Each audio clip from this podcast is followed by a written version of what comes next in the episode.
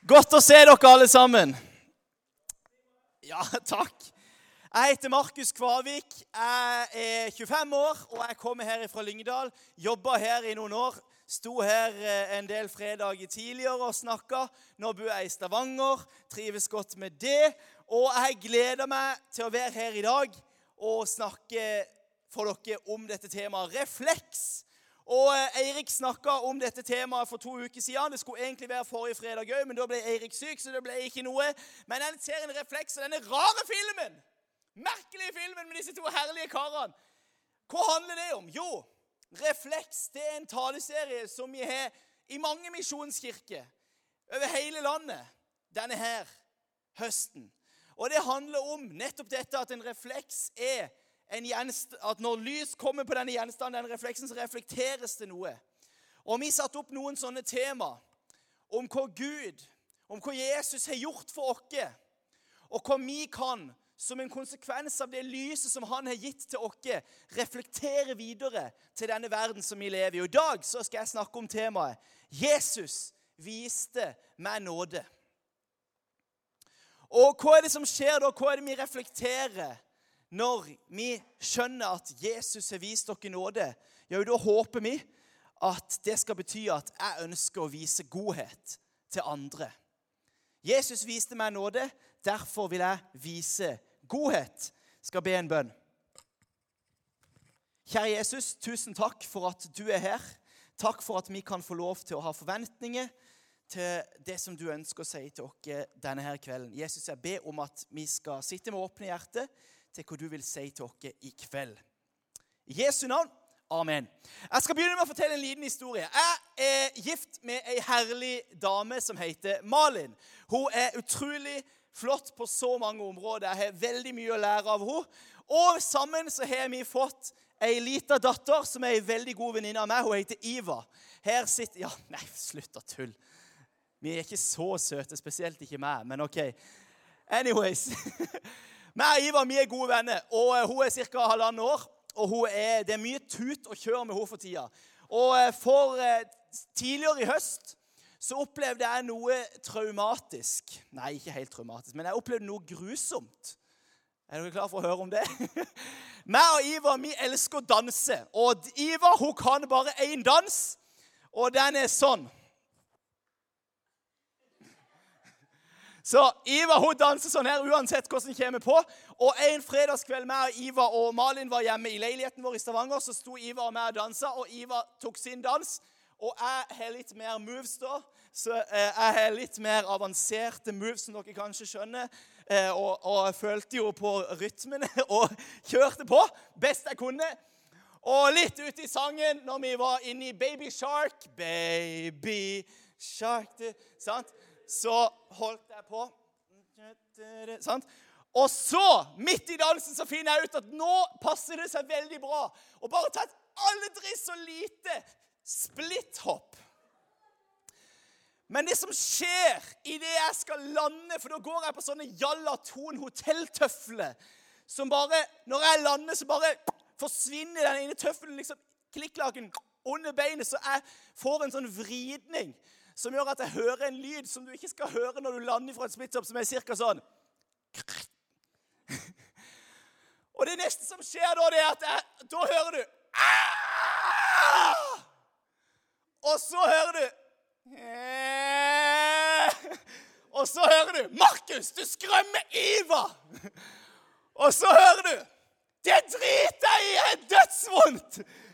Og det som da hadde skjedd, da lå jeg på sofaen, Ivar hylgrein, Malin kjefta på meg. Og da ligger jeg der, og det som da har skjedd, er at jeg har da knukket et lite bein i rista på beinet mitt som går til lilletåa. Og der måtte jeg ligge strak ut med eh, bandasje og sånn herne såle og gå på krykke i noen dager og gå med en sånn støttesko i seks uker.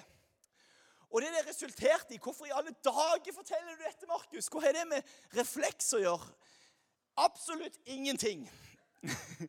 Men jeg har en link likevel. fordi det som det førte med seg, det var at jeg lå veldig mye Spesielt de første dagene. Det ble ganske fort mye bedre. Men spesielt de første dagene så lå jeg strak ut. Det er ikke så veldig enkelt å bære en baby med når du hinker på ett bein, og spesielt fordi at du er redd for å knekke det andre beinet.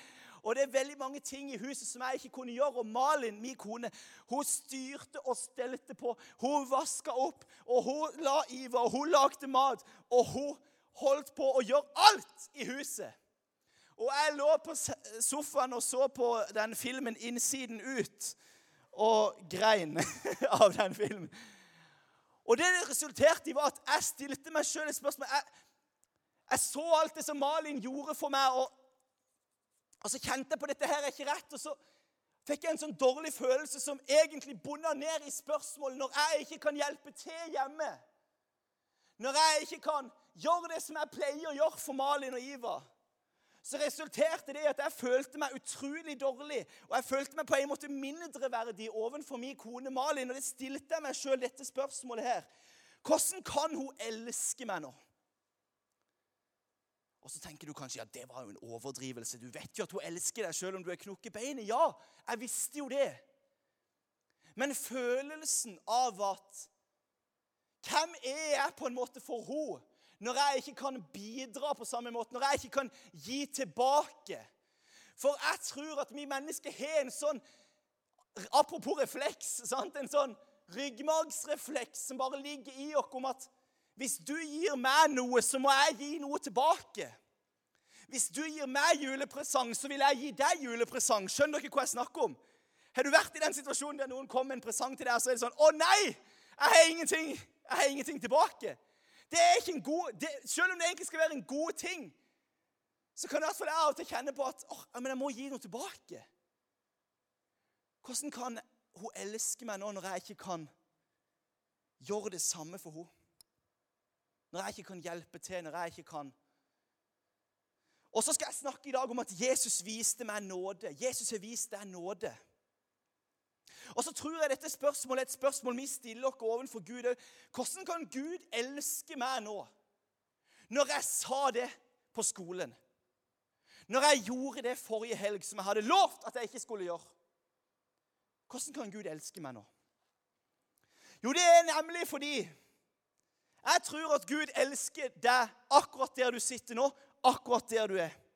Og det er nettopp mulig pga. dette ordet som står her nåde. Nåde kan man bruke et helt liv på å lese på og be om og lese i Bibelen og studere, men jeg tror fortsatt at man vil synes at det er vanskelig å forstå bredden og dybden av det ordet. Men veldig, veldig forenkla sagt så kan man si at nåde er ufortjent kjærlighet. Det er den kjærligheten som bare gir og gir og gir og ikke forventer å få noe tilbake. Det er den kjærligheten som bare aldri kan stoppe å elske deg. Det er den kjærligheten som bare øser ut selv om du ikke gir noe tilbake. Til og med om du ikke vil ha den. Til og med når du sier 'Nei, Gud, til Hekkfjell med deg', så kan han ikke stoppe å elske deg. Han klarer det ikke. Om Gud hadde prøvd så hardt han bare kunne, så hadde han ikke klart å stoppe å elske deg. Vi sang det rett før. Uansett hva som skjer, uansett hva jeg gjør, så elsker han deg. Han kommer aldri til å slutte å elske deg. Helt ufortjent. Og vi leser mange plasser i Bibelen om hvordan denne ufortjente kjærligheten vises til mennesker som har levd før meg og deg. Og En av disse historiene leser vi i Lukas kapittel 7. Der er Jesus bedt inn på en fest, på et måltid, hos en fariseer. Og en fariseer var en, en person som var høy av rang. Han var på en måte en religiøs leder. Kanskje kan vi si at han var en sånn superkristen type, hvis vi skulle oversatt det til i dag.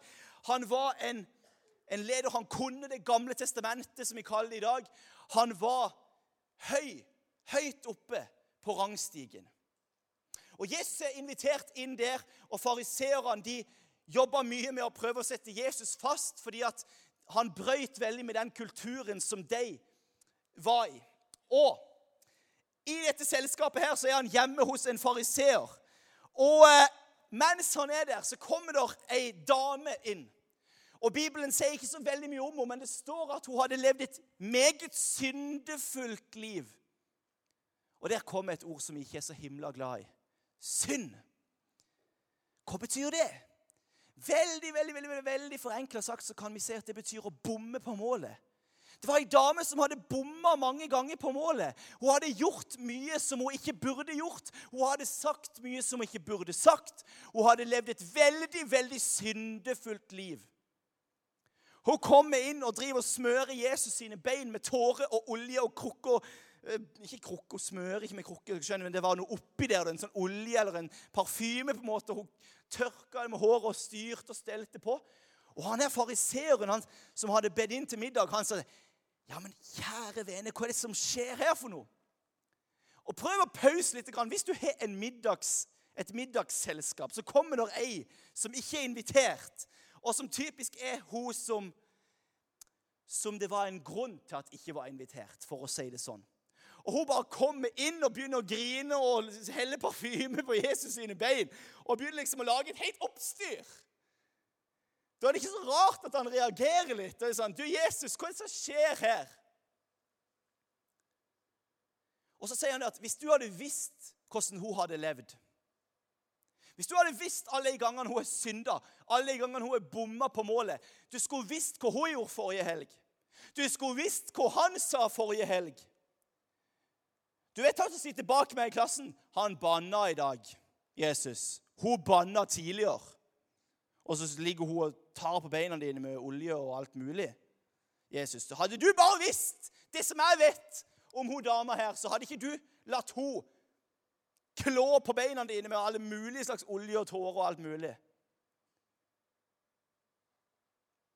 Og det er da Jesus forteller en historie som vi skal lese nå, fra Lukas 7. Han sa to menn hadde gjeld. Gjeld, det er altså at de skylder penger hos en pengeutlåner, f.eks. en bank. Den ene skyldte 500 denarer, men la oss si 500 kroner. som vi skal skjønne hva. Og den andre 50 kroner. Men da de ikke hadde noe å betale med, etterga han dem begge gjelden. Så det var en mann som skyldte 50 kroner, en som skyldte 500 til banken. Og så hadde ingen noe å betale med, så sa banken OK, det går fint. Dere trenger ikke betale noen av dere. Er vi med så langt? Så spør Jesus hvem av de ville da holdt mest av ham? Simon, altså han fariseeren, svarte, 'Den han etterga mest, tenker jeg.' 'Du har rett', sa Jesus. Så vendte han seg mot kvinnen. Det var hun her som lå og grein og smørte beina til Jesus med olje. Og så sa han til Simon, 'Ser du denne kvinna her? Ser du hun dama?' Jeg kom inn i ditt hus, og du ga meg ikke vann til føttene mine, men hun fukta dem med tårene og tørka dem med håret sitt. Du ga meg ikke noe velkomstkyss, men helt fra jeg kom, har ikke hun holdt opp med å kysse føttene mine. Du salva ikke hodet mitt med olje, men hun har smurt føttene mine med den fineste salve. Derfor sier jeg til deg, hennes mange synder er tilgitt. Gjelda si er sletta. Alle de gangene hun bomma på målet, det er tilgitt. Derfor har hun vist stor kjærlighet. Men den som får lite tilgitt, elsker lite. Så sa han til kvinnen, syndene dine er tilgitt. Nåde, ufortjent kjærlighet. For en historie! Ei dame som hadde gjort så mye galt. Hun kommer inn, griner og smører beina til Jesus, og så sier han her, som hadde levd et mye bedre liv i menneskets øyne enn hun her dama Jesus, hva er det som skjer? Og så oppsummerer Jesus dette og sier synderne sine tilgitt. Jesus viser henne ufortjent kjærlighet. Gjør han ikke det? Hadde hun gjort alt etter boka? Nei. Hadde hun sagt bare fine og glupe ting? Nei. Hadde hun tatt alle de beste valgene i livet? Nei. Hadde hun vært på åpent hus hver eneste fredag? Mm, mm, mm. Hadde hun 15 fiske, gullfiske i søndagsskolegullboka si? Nei. Denne dama hadde gjort mye rart. Hun fortjente ikke kjærlighet. Hun fortjente ikke å bli tilgitt. Hun hadde masse billedlig gjeld. Men Jesus sier syndene dine er tilgitt. Og dette første ordet, ufortjent Vi er ikke så gode på det, vi som vokser opp i Norge for tida. Vi er ikke så veldig gode på ufortjent. Dere som sitter foran meg nå, kalles for generasjon prestasjon. Prosjekt perfekt.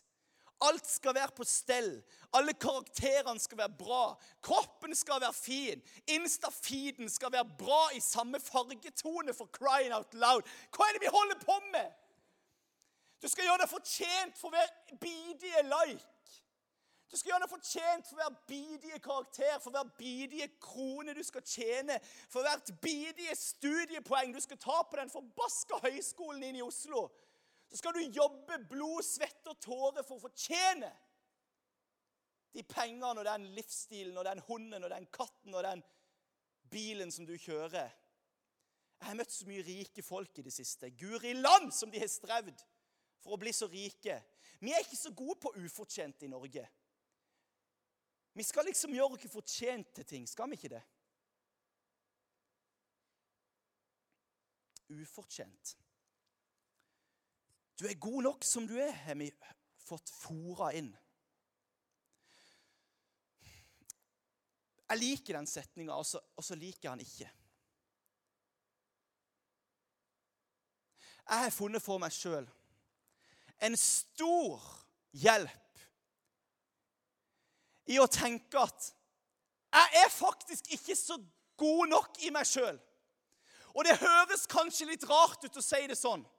For nå tenker du, så går du hjem og sier til mamma i kveld at han sa at jeg ikke var god nok. Han sa at jeg ikke var bra som jeg er.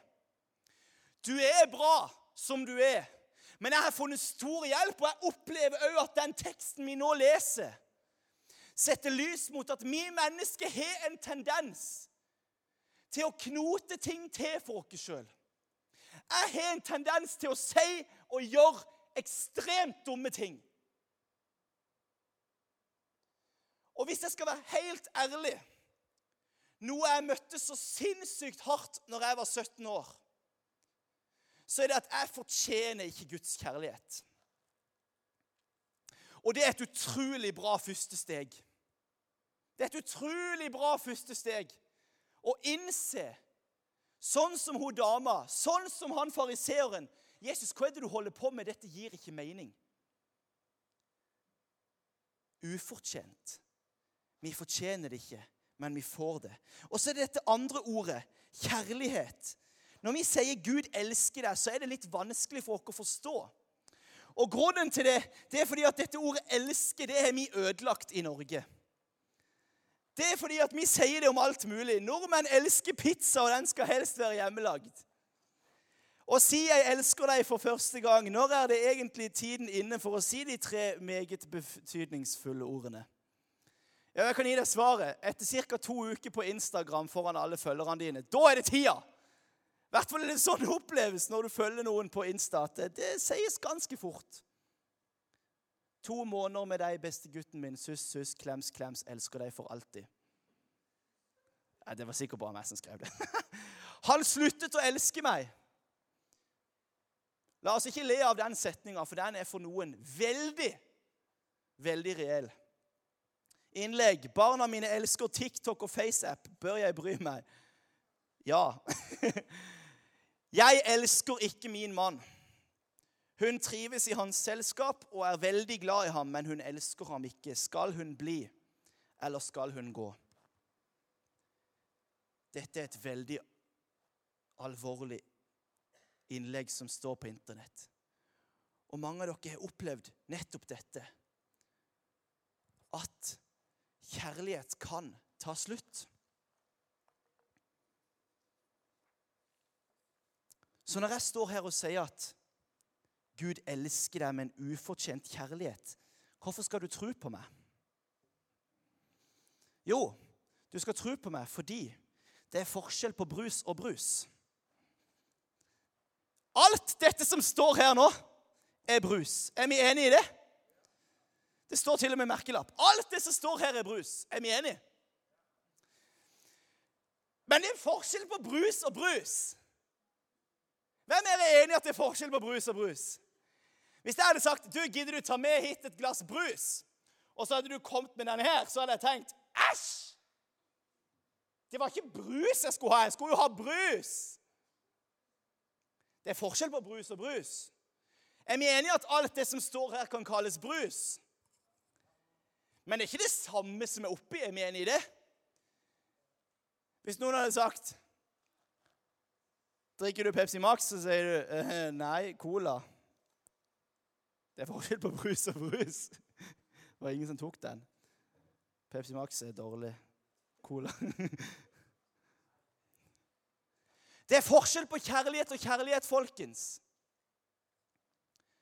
Hvorfor kan du stole på det som står i Bibelen når det står at Gud elsker deg? Jo, fordi det er forskjell på kjærlighet og kjærlighet. Bare i det greske språket så har vi disse tre ulike. Vennskapskjærlighet, som kalles fileo. Eroskjærlighet, som er den seksuelle kjærligheten, den lidenskapelige kjærligheten. Og så er det agape, som er Guds kjærlighet til mennesket. Ufortjent kjærlighet. Det er forskjell på den kjærligheten som du ser at den 14 år gamle venninna di skriver om på Instagram til kjæresten sin hun har hatt i to uker. Og den kjærligheten som Gud elsker deg med. Gud elsker deg med agape-kjærlighet, som er kjærlighet som bare gis og gis og gis og gis og gis. Og han kan ikke stoppe. Han kan ikke stoppe å elske deg om han hadde prøvd. Han klarer det ikke. Han er håpløst Ikke forelska, men han er håpløst elsker, han, elsker det så håpløst høyt at han klarer ikke stoppe. Ufortjent kjærlighet. Verdens mest kjente bibelvers. For så høyt er Gud elsker verden. Skal jeg si dere åssen jeg tror veldig mange av dere lever dette verset her? Jeg tror at vi leser det ofte sånn. For så høyt til verden elska Gud at han ga sin sønn den enbårne. Bibelverset sier 'For så høyt til Gud elska verden', og der det står 'verden', kan du legge inn ditt eget navn. For så høyt til Gud elsker deg, at han valgte å gi sin eneste sønn for deg. Men vi er ikke så flinke på ufortjent. Så vi tenker veldig ofte at 'så høyt til jeg elsker Gud' at han valgte å sin, gi sin sønn for meg. Og så holder det bare så lenge som jeg klarer å elske Gud. Men det klarer ikke jeg, og det klarer ikke du. Vi driter oss ut, vi faller og vi snubler sånn som hun dama her. Vi bommer på mål og synder og dummer oss ut gang på gang. Det er derfor det står her at det, det er derfor det ikke står for så høyt til jeg elsker Gud, men det står for så høyt til Gud elsker deg. At han valgte å gi sin sønn. Fordi det er forskjell på kjærlighet og kjærlighet. Den kjærligheten som du las om på Insta, den kjærligheten som nordmenn heter pizza, det er ikke den kjærligheten Gud elsker deg med. Han elsker deg med en agapekjærlighet som bare gis og gis. En ufortjent kjærlighet. Og når vi tar dette inn, da tror jeg at det lyset som det er, det budskapet, vil skinne gjennom oss. Hvis du går hjem herifra og bestemmer deg for nå skal jeg være en god person, og så skal du bare begynne å gjøre gode ting, så tror jeg det bare varer så og så lenge. Jeg tror at oppskriften til å bli en god person er å stadig minne seg sjøl på den ufortjente kjærligheten som du har fått i Jesus Kristus. Han som ga sitt liv for deg. Ufortjent. Agape skal vi be til slutt.